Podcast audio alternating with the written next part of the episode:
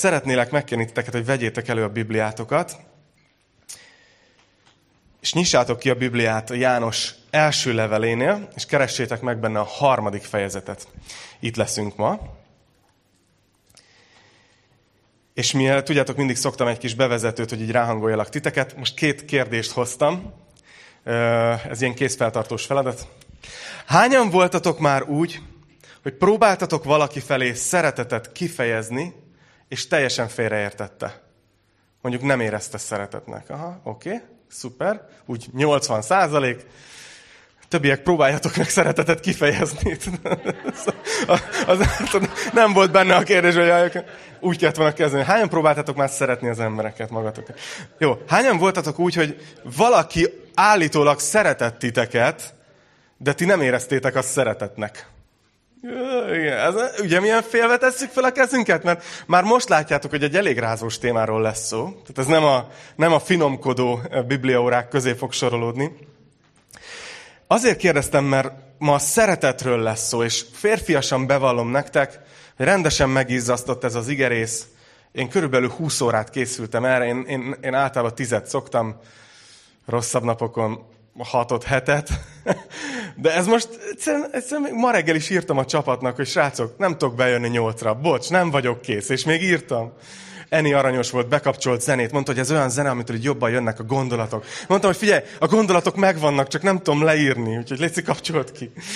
Na szóval, azért szenvedtem ezzel, mert a szeretet az egyrészt egy olyan téma, ami túl általános. Lehet, hogy amikor kimondtam, hogy a szeretetről lesz szó, hát keresztény gyülekezet, most miről szól a tanítás, nem? Tehát persze, hogy a szeretetről szól. A Gyökösi Endre bácsi írta az egyik könyvébe, hogy, hogy volt egy lelkész kollégájuk, aki nem nagyon, nem nagyon szeretett készülni a, a prédikációira, és ezért, ezért mindig a szeretetről beszélt és őt Lacinak hívták, Lacikának, és akkor, amikor így bárki a szeretetről tanított, akkor, akkor mindig volt egy ilyen mondás közöttük, a lelkészek között, hogy ne lacikázzunk. Tehát, hogy ez, a, ez a, tehát az, amikor nem készülsz, és csak beszélsz a szeretetről. Tehát egy nagyon általános téma, ez az egyik nehézség, de a másik nehézség az, hogy János eddig is sokat beszélt a szeretetről ebben a levélben, de itt emeli a lécet.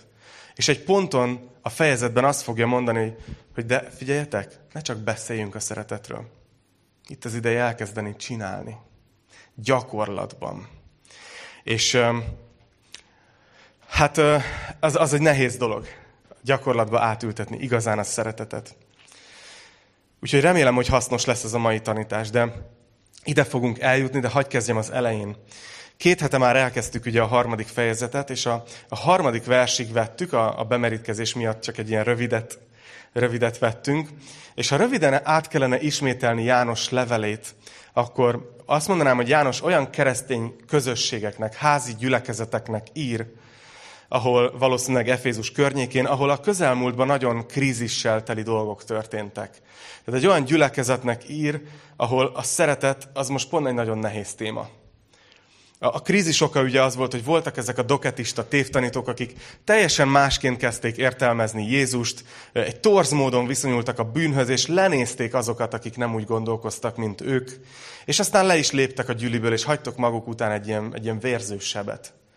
És János egy ilyen gyülekezetnek ír, egy megtépázott gyülekezetnek, ilyen, ilyen, ilyen szerető atyai, pásztori szívvel bátorítja őket. Egy olyan gyülekezetnek ír a szeretetről, ahol nagyon nehéz éppen szeretni. Ahol nem lehet tudni, hogy ki kivel van. És ahogy így tanulmányoztam ezt, én annyira hálás vagyok, hogy nem itt tartunk így közösségként. De, de jegyzeteljetek.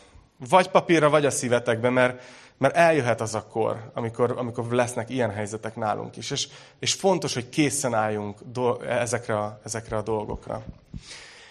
Azért is nehéz ezt a levelet tanítani és tanulmányozni, mert mert Jánosnak a levele nem ilyen lineáris, hogy oké, okay, itt a vázlatom, tudod, van öt témám, amiről írni akarok. Leírom az első témát, kifejtem, konklúzió, lezárom, megyek a következőre, megint kifejtem.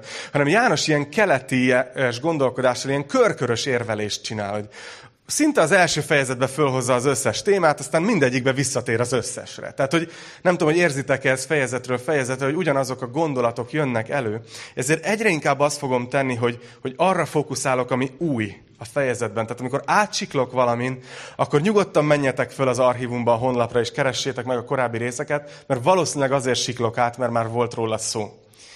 De a harmadik fejezet, ahol most tartunk, ott az első versekben János elkezdett így lelkendezni. Azt mondta, hogy lássátok meg, hogy milyen nagy szeretettel szeretett minket az Atya. Hogy Isten gyermekeinek neveznek minket, és azok is vagyunk. Bevezeti ezt a témát, hogy, hogy Isten gyermekei vagyunk mi, akik Jézust követjük. És a korábbi fejezetekben is írt már erről. És azt tanította ezzel kapcsolatban, hogy ha te azt mondod magadról, hogy Isten gyermeke vagy, és azt mondod magadról, hogy ismered Istent, és szereted Istent, de közben a testvéredet gyűlölöd, akkor hazudsz. De János nem finomkodik, nem, nem próbálja így szépen becsomagolni, hanem azt mondja, hogy akkor az kamu. Akkor az ne, nem fér össze. Hogy a két dolog együtt jár, hogy szereted Istent és szereted a testvéreiddel. És ebben a fejezetben pedig ennek a gyökerére világít rá. Hogy mitől van bennünk az, hogy mondjuk szeretjük egymást, és hogy mitől van az, hogyha nem szeretjük egymást. Úgyhogy figyeljétek, készüljetek fel biztonságöveket bekötni, de szíveket kinyitni, mert szerintem Isten dolgozni akar, dolgozni akar bennünk. Szeretne ennek a gyülekezetnek segíteni János, akik próbálják helyére tenni a történteket, hogy akkor ezek az emberek, akik, akik hozták ezt a tévtanítást, és aztán kiváltak, ezekkel akkor most mi van? Ők miért így viszonyultak? Hogy, hogy jött be ez a gyűlölet a képbe? És jön a szembeállítás. Ugye az első három versben azt mondta, hogy Isten gyermekei, azok, akik reménykednek Istenben, megtisztítják magukat. És most pedig átvált a másik oldalra, és a negyedik verstől fogok felolvasni egyben kilenc verset, és utána bele fogunk menni.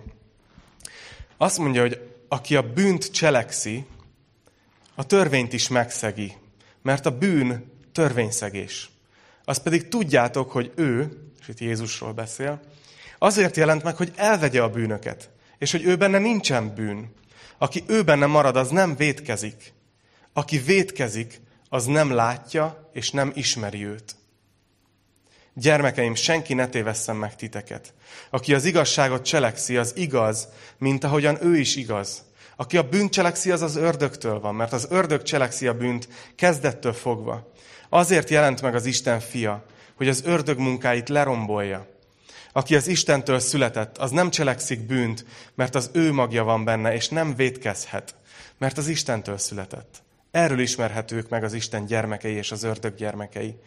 Aki nem cselekszi az igazságot, nem az Istentől van, és az sem, aki nem szereti a testvérét. Mert ez az az üzenet, amit kezdettől fogva hallottatok, hogy szeressük egymást. Nem úgy, mint Kain, aki a gonosztól volt, és meggyilkolta a testvérét. És miért gyilkolta meg? Mert az ő cselekedetei gonoszak voltak, a testvére cselekedetei pedig igazak. Jó kis csomag, amit így János így elénk tesz.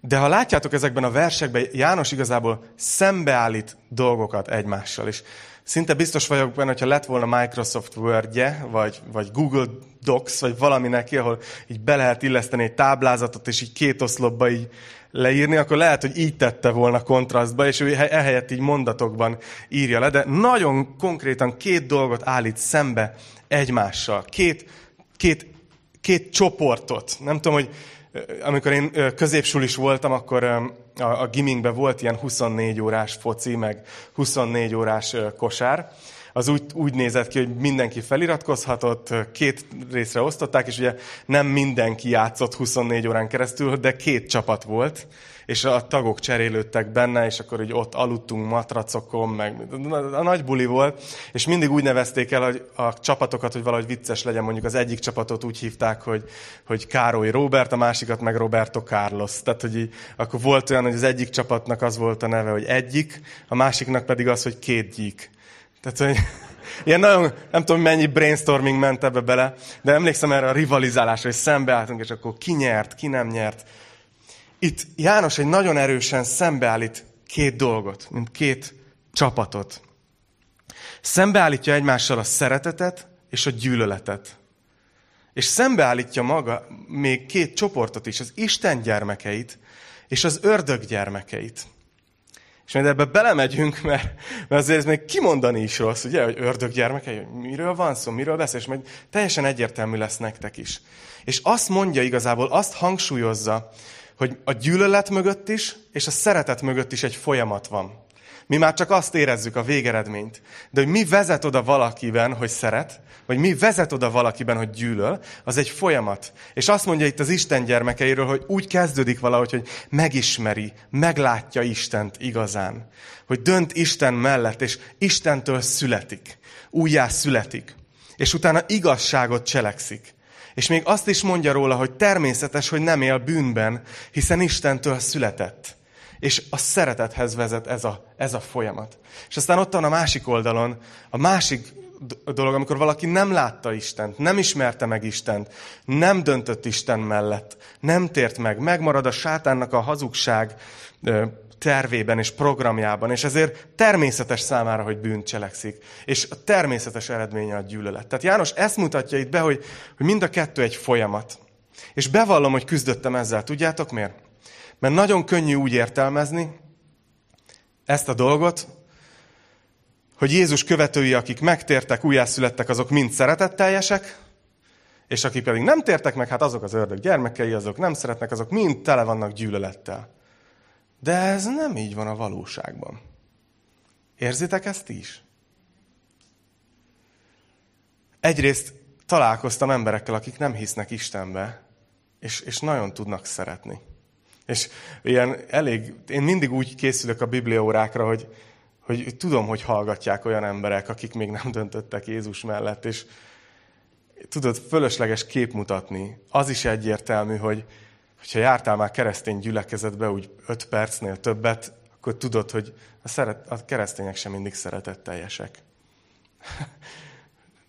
De hát János egy gyülekezetnek írja ezeket és beszél arról, hogy mi van, hogyha valaki nem szereti a testvérét. És, és ez a kifejezés, a kulcs kifejezés talán ebben a, ebben a részben az az, hogy valaki Istentől van, vagy az ördögtől van. És, és ezt nem feltétlenül úgy látom ebben a fejezetben, hogy itt konkrétan arról van szó, hogy, hogy, hogy a, sátánnak is lennének gyermekei, hanem sokkal inkább arról beszél, hogy melyiknek a személyiségéből indulsz ki. Honnan dolgozol, honnan élsz hogy Istentől élsz, vagy az ördög gondolataiból indulsz ki. És azért is gondolom ezt, hogy alá tudom ezt támasztani a Bibliából ezt az értelmezést, mert maga Jézus például azt mondja Péternek, ugye, aki a kőszikla, aki az egyik legjobb tanítványa volt, a legbátrabb, nagyon szerette Jézust, és azt mondja neki egy ponton, hogy távozz tőlem, sátán. Most akkor ez azt jelenti, hogy Péter nem volt megtérve? Én nem gondolom, hogy ezt jelenti, hanem abban a pillanatban az ő mondani valója az a sátán logikájából dolgozott. Az ő viselkedése a sátán logikájából következett. És ugyanígy azt mondja Jézus a Máté 5.45-ben, hogy legyetek a mennyei atyátok gyermekei. Olyan, mint hogyha azt sugalná ezzel, hogy te dönthetsz tudatosan úgy, hogy te Isten gondolataiból indulsz ki. És abból éled az életedet. Mert az egy tény, hogy Isten gyermeke vagy, ha megtértél és újjászülettél. De ennek ellenére cipeled magaddal az óemberedet. És dönthetsz, hogy melyikből élsz. Na és van itt egy problémás vers. Azt mondja, hogy aki Istentől született, az nem cselekszik bűnt, mert az ő magja van benne, és nem védkezhet, mert az Istentől született. Tegye fel a kezét, aki amióta megtért, nem tett bűnt. Akkor van egy problémánk. Houston, we have a problem. Igaz, van egy problémánk, hogy Mit jelent ez a vers? Én nekem a korai keresztény életemben, járásomban az Úrral, nekem ez volt az a vers, ami nem hagyott nyugodni. Károli Bibliát olvastam akkoriban, abban ez úgy szól, hogy aki, tudod, aki megtért, az ingyen sem vétkezhetik. Tehát, hogy mint hogyha azt mondaná ez a vers, hogyha megtérsz, hogyha Isten gyermeke vagy, ha Istentől születtél, akkor nem fogsz többet bűnt tenni. De hát az a baj, hogy azért nem baj, de őszinték vagyunk, és tudjuk, hogy ez így nem igaz. Elbukunk, és teszünk bűnöket. Bár, bárki, aki ezt hallaná és úgy értelmezné, az azt mondhatná ezen a ponton, hogy oké, okay, hát akkor én ezen a ponton kiestem. De fontos, hogy itt azt jelenti ez a szó, és direkt több kommentárt is lecsekkoltam. Nem akarok abba tetszelegni, tudjátok, hogy van egy görög szótáram, és akkor már belemagyarázom, hogy mit jelent az a görög szó. Elolvastam olyan embereknek a, az írásait, akik értenek is hozzá. És, és mindannyian egyetértve azt mondják, hogy az az ige idő, az a, az a megfogalmazás, amit itt használ az eredeti szöveg, az a folyamatos bűnben élésre vonatkozik. Tehát János azt mondja, hogy ha valaki Istentől született, akkor ő nem tud folyamatosan benne élni, életvitelszerűen a bűnben, úgyhogy ez még így örömet is okozzon neki. Én olvastam egy bizonyságtételt valakiről, aki a megtérése után csalódott egy nagyot, és így, így elment Istentől, és, és visszapróbált menni a régi életébe, a régi bűnös dolgaiba, és azt mondta, hogy az volt a legkegyetlenebb az egészben, hogy nem tudta élvezni. Hogy azt mondja, még egy bűnösnek se vagyok jó. Nem, hogy kereszténynek nem vagyok jó, visszamegyek a világba, és még bűnözni se tudok rendesen. De azt hiszem, hogy ez az, ami megmutatja, hogy újjá született. Hogy kicserélődött valami. Hogy már nem tud benne élni életvitelszerűen, és, és ebben örömöt lelni. És ezért gondolom azt, hogyha valaki viszont kereszténynek tartja magát, de hosszú időn keresztül benne tud élni valamiben, amit Isten helytelennek lát, és ebben tökéletesen jól érzi magát és élvezi, akkor, akkor ott nagyon gyanús, hogy megtérte. Hogy ott igazán történt-e újjászületés. Azt mondta Spurgeon, híres prédikátor, talán olvassátok a könyveit, hogy, hogy az a kegyelem, ami nem változtatja meg az életemet, az a kegyelem valószínűleg nem mentette meg a lelkemet se. Mert, mert, mert Isten munkája az nem egy ilyen agyban átkapcsolt, csak egy más gondolat vagy tudatállapot, hanem ő tényleg megszül bennünk valamit, egy új embert, és az, az ki fog látszani előbb-utóbb, annak hatása lesz. Úgyhogy hagy, hagy mondjak ilyen, ilyen példákat, csak hogy megragadjon ez nektek. Én, én azt gondolom, hogy, hogy aki, aki már látta, hogy hogy készül a Párizsi, az többet nem eszik Párizsit. Az most azt jelenti, hogy soha? Hát képzeljétek, én például ebbe a kategóriába vagyok. Láttam, el is ment a kedvem, de időnként azért úgy egy sajtos Párizsit leveszek a polcról a boltba, és jól esik. És itt próbálok nem belegondolni, hogy ez miből van. De nem tudnék minden nap Párizsit enni. És azt hiszem, hogy valahogy így vagyunk a bűnnel, hogy amikor megtértél, Istentől születtél, akkor nem tudsz már folyamatosan benne lenni a bűnbe és élvezni. Egy pillangó is tud a hasán csúszni, ha nagyon akar, mint egy hernyó, nem? De nem az a természetes neki. Ő már repül. És azt hiszem, hogy, hogy szeretnék szólni így, így hozzátok, hogy lehet, hogy vannak itt közöttünk is, és tudjátok, nem vagyunk egy olyan gyűlő, hogy így ellenőrizgessük az embereket, de lehet, hogy vannak közöttünk, akik, akik régóta benne éltek valamiben, ami tudjátok, hogy bűn, hogy Isten előtt nem helyes. És lehet, hogy meg tudjátok magyarázni, hogy miért sodródtatok ebbe, vagy döntöttetek így, de így küzdködtök. Így, így hagy bátorítsalak titeket, hogy soha nem lesz jó hogy, hogy a megoldás az visszafele van, Isten fele. Hogy, hogy lezárod azt, abba hagyod, kiszállsz, és Istennel jársz tovább. Csak ez fogja hozni a boldogságot. De az, azokhoz is kell szólnom, aki esetleg keresztény, és bűnben él és élvezi. Hogy figyelj, lehet, hogy ideje, lehet, hogy akkor ideje megtérni, úgy igazán. És a Szentlélek mutassa meg, hogyha valakinek van dolga ezzel. Kicsit olyan ez, tudjátok, most főleg itt a koronavírus kapcsán rengeteg ilyen, ilyen összeesküvés elmélet terjedt el, és vannak kutatói ennek a területnek már, tehát akik kutatják, hogy hogy terjednek el információk, amit valaki bohóckodásból, tehát három tinédzser valahol egyikük anyukájának a pincéjébe összeállít, fölteszik az internetre, és aztán nézik, hogy a sok ember hogy terjeszt, és jót röhögnek ezen. És ezt kutatták. És azt, azt találták, hogy minél többször elhiszel egy álhírt, annál inkább fogékony leszel a következőre. És ez ezért nagyon veszélyes. Ez ugyanolyan, mint a bűn. Hogy, hogy abba is, hogyha egy picit engedékeny vagy, meg még engedékeny, meg még engedékeny, a negyedik már nem fog nagy dolognak tűnni, hanem természetes, hogy csúszol bele. Én János azt látom, hogy azért ír ennek a gyülekezetnek, hogy ne legyen ez. És aztán nézzétek, fölhozza Káin történetét. A gyűlöletre. Hagy olvassam fel ezt a 11.-12. verset még egyszer. Azt mondja, hogy mert ez az üzenet, amelyet kezdettől fogva hallottatok, hogy szeressük egymást. Nem úgy, mint Káin, aki a gonosztól volt, és meggyilkolta a testvérét. És miért gyilkolta meg? Mert az ő cselekedetei gonoszak voltak. A testvére cselekedetei pedig igazak.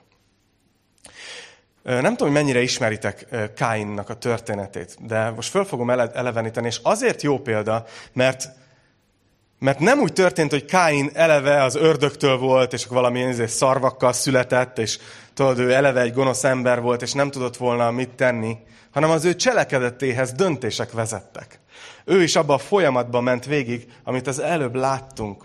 És a, a, a, a történet egyébként az 1 Mózes 4-ben van leírva, de a lényeg az, hogy van egy testvérpár, ugye Ábel és Káin, Ábel juhpásztor, Káin földműves, és mind a ketten egy ponton áldozatot vittek Istennek, és akkor itt hagy olvassak fel egy pár verset az 1 Mózes 4, ben Azt mondja, hogy az Úr rátekintett Áberre és az áldozatára, de Kainra és az áldozatára nem tekintett. Kain amiatt nagy haragra gerjedt, és lehorgasztotta a fejét. Ekkor azt kérdezte Kaintól az Úr, miért gerjedtél haragra, és miért horgasztod le a fejed? Hiszen ha jót cselekszel, emelt fővel járhatsz. Ha pedig nem jól cselekszel, a bűn az ajtó előtt leselkedik, és rád vágyódik, de te uralkodjál rajta. Ezután azt mondta Kain a testvérének, Ábelnek, menjünk ki a mezőre. És amikor a mezőn voltak, rátámadt Kain a testvérére, Ábelre, és meggyilkolta. Az a durva, hogy ugye innen indul az egész, hogy hoznak áldozatot mindketten. És a zsidókhoz írt levél ír erről, hogy mi volt a baj Káin áldozatával. Miért volt az, hogy Isten rátekintett Ábelére és Káinére nem? És a zsidó 11.4 azt mondja, hogy Istennek annyi baja volt Káin áldozatával, hogy nem hitből hozta. Nem, nem azért, mert szeretett volna Istennel közelebbi kapcsolatban lenni, bizalmasabb kapcsolatban lenni. Nem, nem ezért hozta, hanem kötelességből. És itt látunk egy kulcsot, amikor Isten úgy dönt, hogy ezt az áldozatot így nem fogadja el, talán pont azért, hogy Káint rávezesse, hogy neki a hit számít, akkor Káin megsértődik Istenre. Káin kiakad és lehorgasztja a fejét. És amikor látja, hogy Ábel áldozatát Isten pedig elfogadja, akkor Ábelre is megsértődik, a testvérére is megsértődik. És Isten ezen a ponton szól, szól Káinhoz, hogy állj meg, látom, hogy mi történik benned, de van hatalmad megállítani. És Káin nem állítja meg, hanem eljut egészen odáig, hogy meggyilkolja a testvérét. És itt egy olyan dolgot látunk, ami, ami a mi életünkbe is bekúszhat. És János itt akarja ezt tanítani a gyülekezetnek. Hogy hogy jut el valaki oda, hogy gyűlöli a testvérét, mint ezek az emberek, akikről ő ugye ír ott akkoriban, akik elmentek a gyüliből és szét, szétszakították. És, és azt hiszem, hogy ez a folyamat, ez nagyon hasonló, mint ami Káinban lezajlott. És nagyon aggódom emiatt az olyan keresztényekért, de őszintén nem elítélem, jól halljátok, hanem nagyon aggódom, őszintén aggódom azokért a keresztényekért, akik azt mondják, hogy haragszok Istenre. Én nem tudom, volt pár éve ez, mint hogy még divat is lett volna, hogy na, akkor te jó, jó kis őszinte keresztény vagy, hogy bemered ismerni, hogy haragszol Istenre. Figyeljetek, nagyon veszélyes. Nagyon veszélyes, mert belekerülünk egy olyan gödörbe, amiből sokan nem bírnak kimászni. Pár hete említettem egy, egy könyvet a, a sértődésről, az a címe, hogy a csá, sátán csalia. És azóta is nagyon foglalkoztat ez a téma, és beleástam magam a témába, és nagyon a szívemen van, hogy, hogy beszéljek ma is egy picit erről a sértődés témájáról. A sértődés mi igazából? Az egy játszma. A sértődés az egy játszma. Na, hagy, hagy mondjam el, hogy mi a folyamat. Az. Jól tudom, mert sokszor csináltam. Tehát, hogy meg most, meg most ki is okosítottam magam. A sértődés nagyon egyszerűen kezdődik. Úgy kezdődik, hogy valaki nem úgy reagál, nem úgy tesz, nem úgy beszél, nem úgy viselkedik, mint ahogy te várnád. És te ezt nem tudod kezelni. Sőt, inkább nem te. Ma egyesben mondom, jó? Tehát valaki nem úgy viselkedik, ahogy én elvárnám. És én ezt nem tudom feldolgozni, nem tudok kezelni, és ezért úgy döntök, hogy elvágom a másikat magamtól, begubózok, magamba zárkozok, magamra csukom az ajtókat, és igazából a gyökerében az van, hogy azt remélem titkon, hogy annyira fog fájni neki a megszakadt kapcsolat, hogy majd akkor ezért mégiscsak megteszi a kedvemért azt, hogy úgy legyen, ahogy én akartam. Tehát ez egy játszma. És néztem erről egy videót, és érdekes volt, hogy, hogy azt tette a, azt tette fel a kérdés, hogy ilyenkor mi a, mi, a jó, mi a jó válasz, hogyha valaki megsértődik rád? Az, hogy elkezdesz teperni, nyomulni, hogy jaj, ne haragudj, mit tehetnék, hogy helyrehozzam? Figyelj, legyen úgy, ahogy te akarod. Jó, megcsináljuk, ne aggódj, csak, csak álljon helyre a kapcsolat, mert nekem annyira fontos ez a kapcsolat, hogy ez a jó megoldás, vagy az, hogy hát jó, hát ő sértődött, meg hadd följön a levél, majd túl lesz rajta, majd akkor majd, majd leszünk barátok, vagy nem leszünk barátok. Ugye mind a kettő véglet, és egyik sem jó. És nagyon érdekes, hogy, hogy azt mondta az egyik ember, aki erről beszélt, hogy az van, hogy amikor valaki meg van sértődve, akkor nem nyitott az érveidre. Nem nyitott rád. Ezért hiába érvelsz, hiába beszélsz, nem lesz igazad, nem fogja elfogadni, mert ő be van most zárkózva. De nem akarjuk elengedni, nem akarjuk csak, hogy följön a levébe. És ő azt mondta, hogy a legjobb, ha azt mondjuk, hogy figyelj, nem akarok belemenni ebbe a játszmába, én értem, hogy te most megbántódtál, és nekem fontos vagy, és szeretlek, de most meg fogom várni, amíg, amíg nyitsz felém, hogy tudjunk egy közös megoldást találni, ami mindkettőnknek jó. És aztán vagy lesz ilyen, vagy nem. De mi van akkor, hogyha ha te vagy a sértett? És ezt figyeljetek, mind úgy beszélek, hogy közben az én fejemben ugrálnak fel jelenetek, amikor én megsértődtem. Tehát, hogy nehogy azt higgyétek, hogy most kiokosítalak titeket a magaslóról. Azt hiszem, hogy nagyon fontos volt nekem, amikor rájöttem arra, hogy ha, ha lélegzel, tehát ha élsz, ha levegő van a tüdődbe, akkor biztos lehetsz benne százszázalékosan, hogy fognak sérelmek érni. De durva sérelmek, nem csak olyan, hogy ja, hát majd túlmegyek rajta, hanem olyan, ami meg, meg, megrángat. De mindig van egy lehetőségem, hogy megsértődök-e. Nem kerülheted el, hogy sérelem érjen. De azt eldöntheted előre, hogy nem fogsz megsértődni. A gyerekekkel ö, följött az, hogy így a suliba már kezdődik ez a kicsit ez a, ez a bullying, meg, meg ilyen ugye bántalmazás gyerekek között, és konkrétan tréninget tartottam nekik arról, hogy, hogy hogy tudják kezelni, és hogy tudnak reagálni, amikor valaki jön, és megsérti őket. Tudod, és így direkt, amikor már át, elmagyaráztam, és, és, és értették, akkor így elkezdtem beléjük kötni. Direkt olyan dolgokat, ami bánthatná őket. És olyan cukik voltak, hogy egyre jobban éreztek rá, hogy, hogy hogy nem reagálnak, és hogy reagálnak. És azt mondom, hogy kéne keresztényeknek is ilyen, meg embereknek. Mert a legtöbb dolog, a legtöbb konfliktus hátterében a sértődés áll. És a legnagyobb megoldás, akár hiszitek, akár nem, ez lehet, hogy nagyon egyszerűen hangzik, de annyi, hogy eldöntöm, hogy nem fogok megsértődni. Mert tudom, hogy amit a másik mond, amit a másik reagál, az 90%-ban róla szól, és nem rólam. Káin nem tudta ezt megtenni. Káin Istennel se tudta ezt megtenni. Káin megsértődött Istenre, mert Isten nem úgy viselkedett, ahogy ő elvárta volna. És Káin megsértődött Áberre. És testvérgyilkosságig fajult a dolog. És utána még el is rejtőzött Káin. Végleg bezárult, végleg begubózott. Szóval mi a megoldás? Olvassuk tovább a 13. verstől. Azt mondja, hogy ne csodálkozzatok testvéreim, ha gyűlöl titeket a világ. Tehát azt mondja, hogy az a része, hogy a világ gyűlöl, az érthető. Nem úgy viselkedünk, ahogy elvárják, ugye? De mi tudjuk, hogy átmentünk a halálból az életbe, mert szeretjük a testvéreinket. Aki nem szereti a testvérét, az a halálban marad. Aki gyűlöli a testvérét, az embergyilkos. Azt pedig tudjátok, hogy az embergyilkosnak nincs örök élete. Abból ismerjük meg a szeretetet. Figyeljétek ezt a mondatot. Hogy ő az életét adta értünk. Ezért mi is tartozunk azzal, hogy az életünket adjuk a testvéreinkért. Akinek pedig világi javai vannak, de elnézi, hogy a testvére szükséget szenved, és bezárja előtte a szívét, abban hogyan maradhatna meg az Isten szeretete? Látjátok, hogy ugyanaz a dinamika, amiről eddig beszéltünk, hogy a gyűlölet az olyan, mint a gyilkosság, az azzal jár, hogy bezárjuk a szívünket a másik előtt, és itt fölhozza konkrétan a fizikai, anyagi szükségleteket, mert abban is igaz ez, de ezt értelmezhetjük tágabban, hogy valakinek van egy szüksége, és én bezárom a szívem előtt, akkor, akkor az gyűlölet. Az a kapcsolat halálához vezet. És döbbenetes, amit itt mond. Azt mondja, hogy abból ismerjük meg a szeretetet, hogy ő az életét adta értünk, Jézus. Tehát innen indulunk, és utána azt mondja, hogy ezért, tehát mivel ismerjük, hogy Jézus hogy szeretett minket, ezért mi nekünk is van egy ilyen opciónk, hogy az életünket adjuk a testvéreinkért. E- ez volt odaírva? Nem.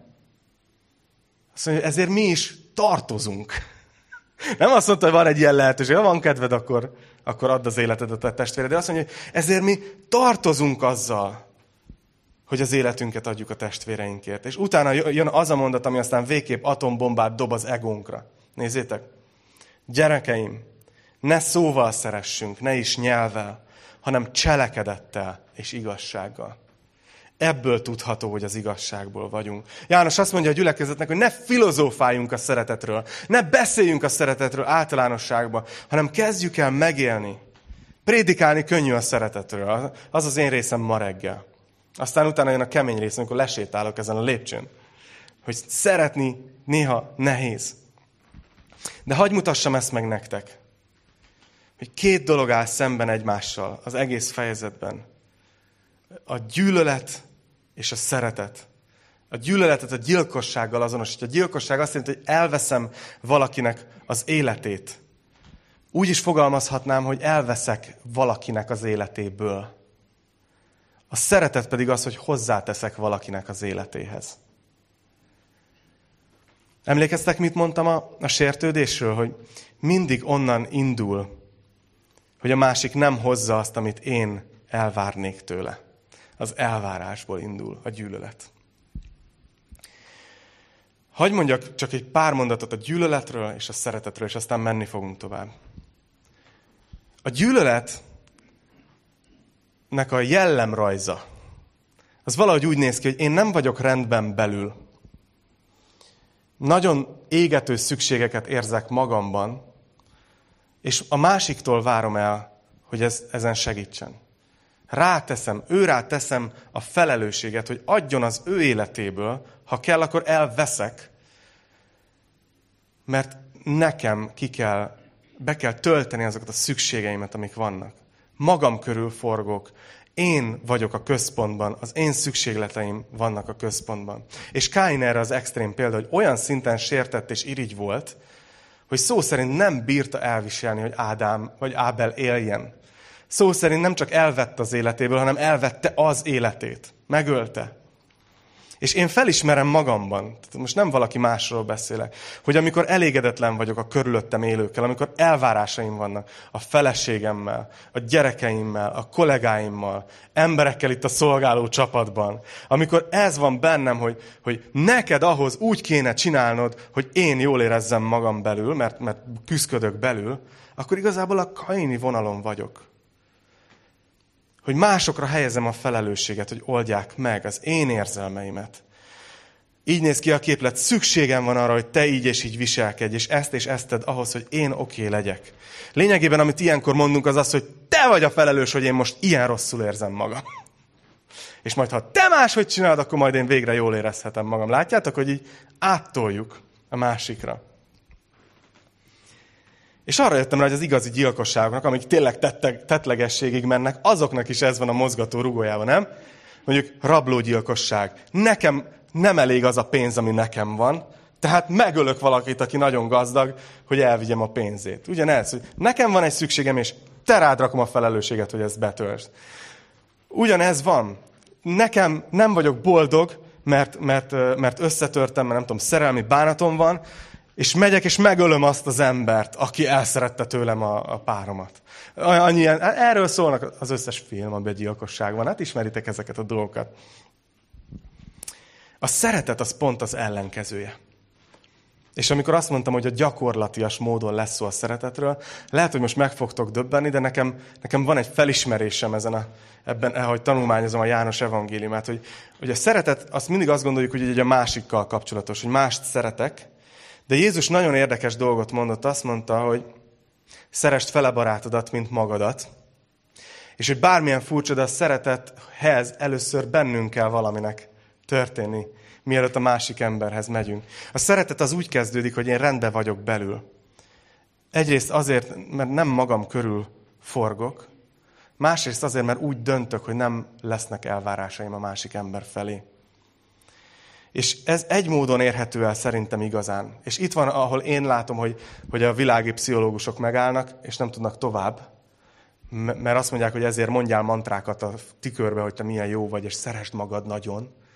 De nekünk, nekünk van egy Istenünk, aki szeret minket.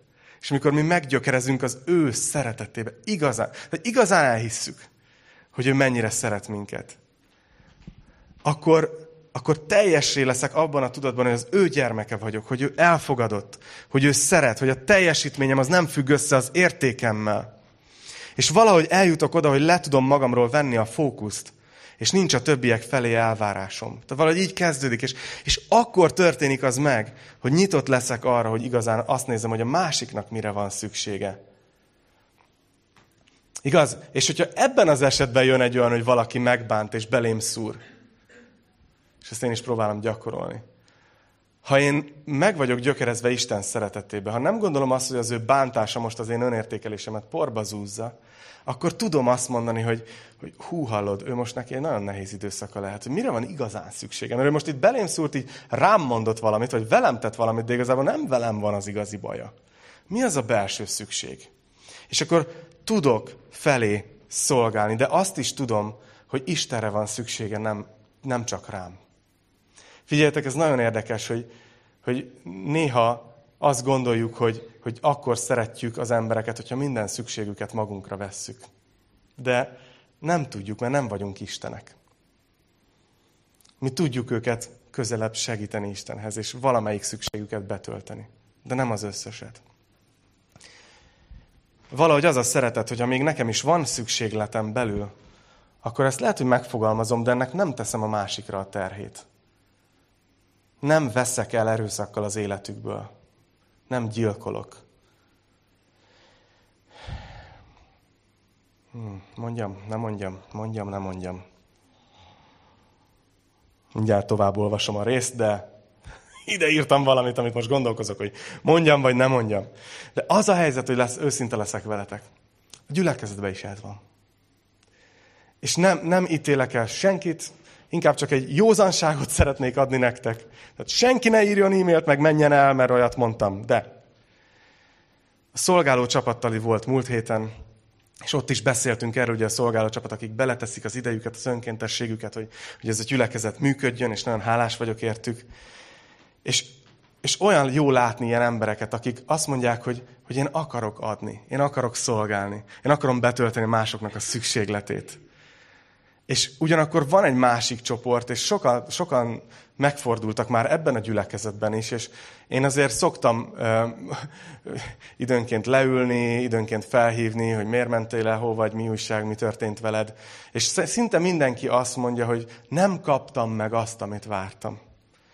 Csak hagy mondjak nektek egy olyat, hogy Léci, hozzatok már egy olyan döntést. Nem miattam, én oké okay vagyok, magatok miatt, mindenki. Én is hozok ilyen döntést, hogy amikor járunk egy gyülekezetbe, akkor ne azt várjátok, hogy majd itt az én szükségleteimet hogy töltik be. Mert, mert, mert, mert ez lesz az a vonal, ahol lesz olyan, hogy valaki cserben hagy, nem tudod ezt kezelni, meg fogsz sértődni, és el fogsz menni. És sajnálom a következő gyülekezetet, mert ott is végig fogod ugyanezt csinálni. Tehát hoz, hozzatok egy ilyet. Na nézzük, János arról fog beszélni, hogy ha tudunk a gyakorlatban szeretni, akkor tudhatjuk, hogy az igazságból valók vagyunk. És azt mondja a 19. versben, hogy és akkor az ő színe előtt azzal biztatjuk a szívünket, hogy bár a szívünk elítél, Isten mégis nagyobb a mi szívünknél, és mindent tud. Szeretteim, ha pedig a szívünk nem ítél el, bizalommal szólhatunk Isten előtt. És amit csak kérünk, megkapjuk tőle, mert megtartjuk a parancsolatait, és azt tesszük, ami kedves előtte. Az ő parancsolata pedig az, hogy higgyünk az ő fia Jézus Krisztus nevében, és szeressük egymást, ahogyan erre parancsot adott nekünk. Aki pedig megtartja az ő parancsolatait, az ő benne marad, és ő is abban, és hogy ő bennünk marad, azt a lélektől tudjuk meg, akit nekünk adott. Érdekes, mert lehet, hogy ahogy beszéltem itt, lehet, hogy pár emberben elkezdődött valami lelkiismeret furdalás féle ébredni, és nem ez volt a cél, ez a kockázatok és mellékhatások tekintetében. De az van, hogy néha van lelkiismeret furdalásunk. És van olyan, amikor is szembenézünk az életben, és azt, mondja, azt mondjuk magunkról, hogy ez így nem volt oké. Okay. És ez idáig teljesen rendben van, mert ez annyit jelent, hogy reflektálunk magunkra, ez rendben van.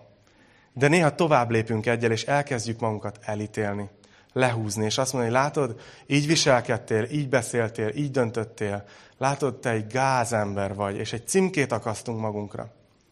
És itt János azt mondja, hogy figyeljetek, még akkor is, hogyha az igazságban vagyunk, akkor is jöhet olyan, hogy a szívünk vádol. Van lelkiismert furdalásunk.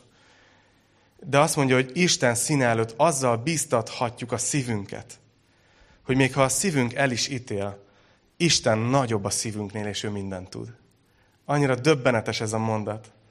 És aztán, mint egy folyamatot írna le, azt mondja, hogy utána pedig eljutsz oda, hogy szeretteim, ha pedig a szívünk nem ítél el, bizalommal szólhatunk Isten előtt. Hogy létrejön ez a, ez a kapcsolat, és ez visszakapcsolódik oda, amit mondtam, hogy onnan indul a szeretet, hogy oké okay vagyok belül, mert meggyökerezek az Isten szeretetébe. Hogy elhiszem, hogy tényleg elfogad olyannak, amilyen vagyok. És ezt elhiszem, akkor kialakul ez a bizalmi kapcsolat, hogy nyíltan szólhatok Isten előtt, és azt mondja, hogy amit csak kérünk, megkapjuk tőle, mert megtartjuk a parancsolatait. És akkor hagyd zárjam ezzel. Sokat beszél János úgy, Hogyha rosszul értelmeznénk, hogy mire gondol, akkor nagyon durva következtetésekre juthatnánk. Például annyiszor mondja ezt, hogy aki az igazságot cselekszi, aki betartja az Isten parancsolatait. És lehet, hogy megjelenik előtted Mózes kőtáblája, vagy a nem tudom, 630 akárhány törvény, hogy akkor, mind, akkor mégiscsak arról szól, a, nem a kegyelemről szól a kereszténység, mégis arról szól, hogy be kell tartanom, meg kell tartanom az Isten parancsolatait. De János ezután a mondat után kilistázza, hogy mi az a parancsolat, amire gondol hogy mi az Isten parancsolata. Tudjátok, hogy mi az Isten parancsolata? Az ő parancsolata pedig az, hogy higgyünk az ő fia Jézus Krisztus nevében, és szeressük egymást, ahogy ő parancsot adott. Ennyi. Ez az Isten parancsa. Nagyon érdekes, hogy azt mondja, hogy Isten megparancsolja, hogy higgyünk. Hogy persze ad szabad akaratot az embereknek, hogy engedelmeskednek-e, vagy nem. De ettől függetlenül nem tudom, hogy gondoltatok-e már erre, hogy, hogy maga az üzenet, hogy te higgyél Istenben, ez az emberiség felé jelenleg Istentől egy parancs. És én is néha megparancsolok dolgokat a gyerekeimnek. De soha nem azért teszem, mert ki akarok velük szúrni. Hanem mert tudom, hogy na most menjetek az ágyba, mert ha nem mentek, akkor tudom, hogy reggel nem fogsz időbe tudni felkelni. Tudom, hogy rossz napod lesz a suliba. Fáradt leszel, és rossz élményed lesz. Amikor én azt mondom, hogy na most pedig nyomás, akkor abban az atyai szeretet van. És Isten ezért parancsolja meg az embereknek a hitet. Én nekem meggyőződésem, hogy egyedül az a mély isteni szeretet, az isteni kegyelem. Ahogy ő néz ránk, hogy ő elfogad, szeret, nem a jó cselekedeteink miatt, hanem, hanem azért, mert eléjövünk alázattal, és azt mondjuk, hogy én hozzád akarok ragaszkodni, beléd akarok kapaszkodni, és ő meg azt mondja, hogy mindegy, hogy mind mentél át, mindegy, hogy mi volt a múltadban, mindegy, hogy mivel küzdesz a jelenben. Gyere, hozzám tartozol, az én gyerekem vagy, újjászüllek. Gyere, és hidd el, hogy szeretlek. És meg fogsz gyökerezni. Tudja, hogyha ez megtörténik, ez az örök élet. Ez az igazi élet és abból fakad, hogy aztán tudjuk egymást is szeretni. Jánosnál ezt a kettőt nem lehet elválasztani.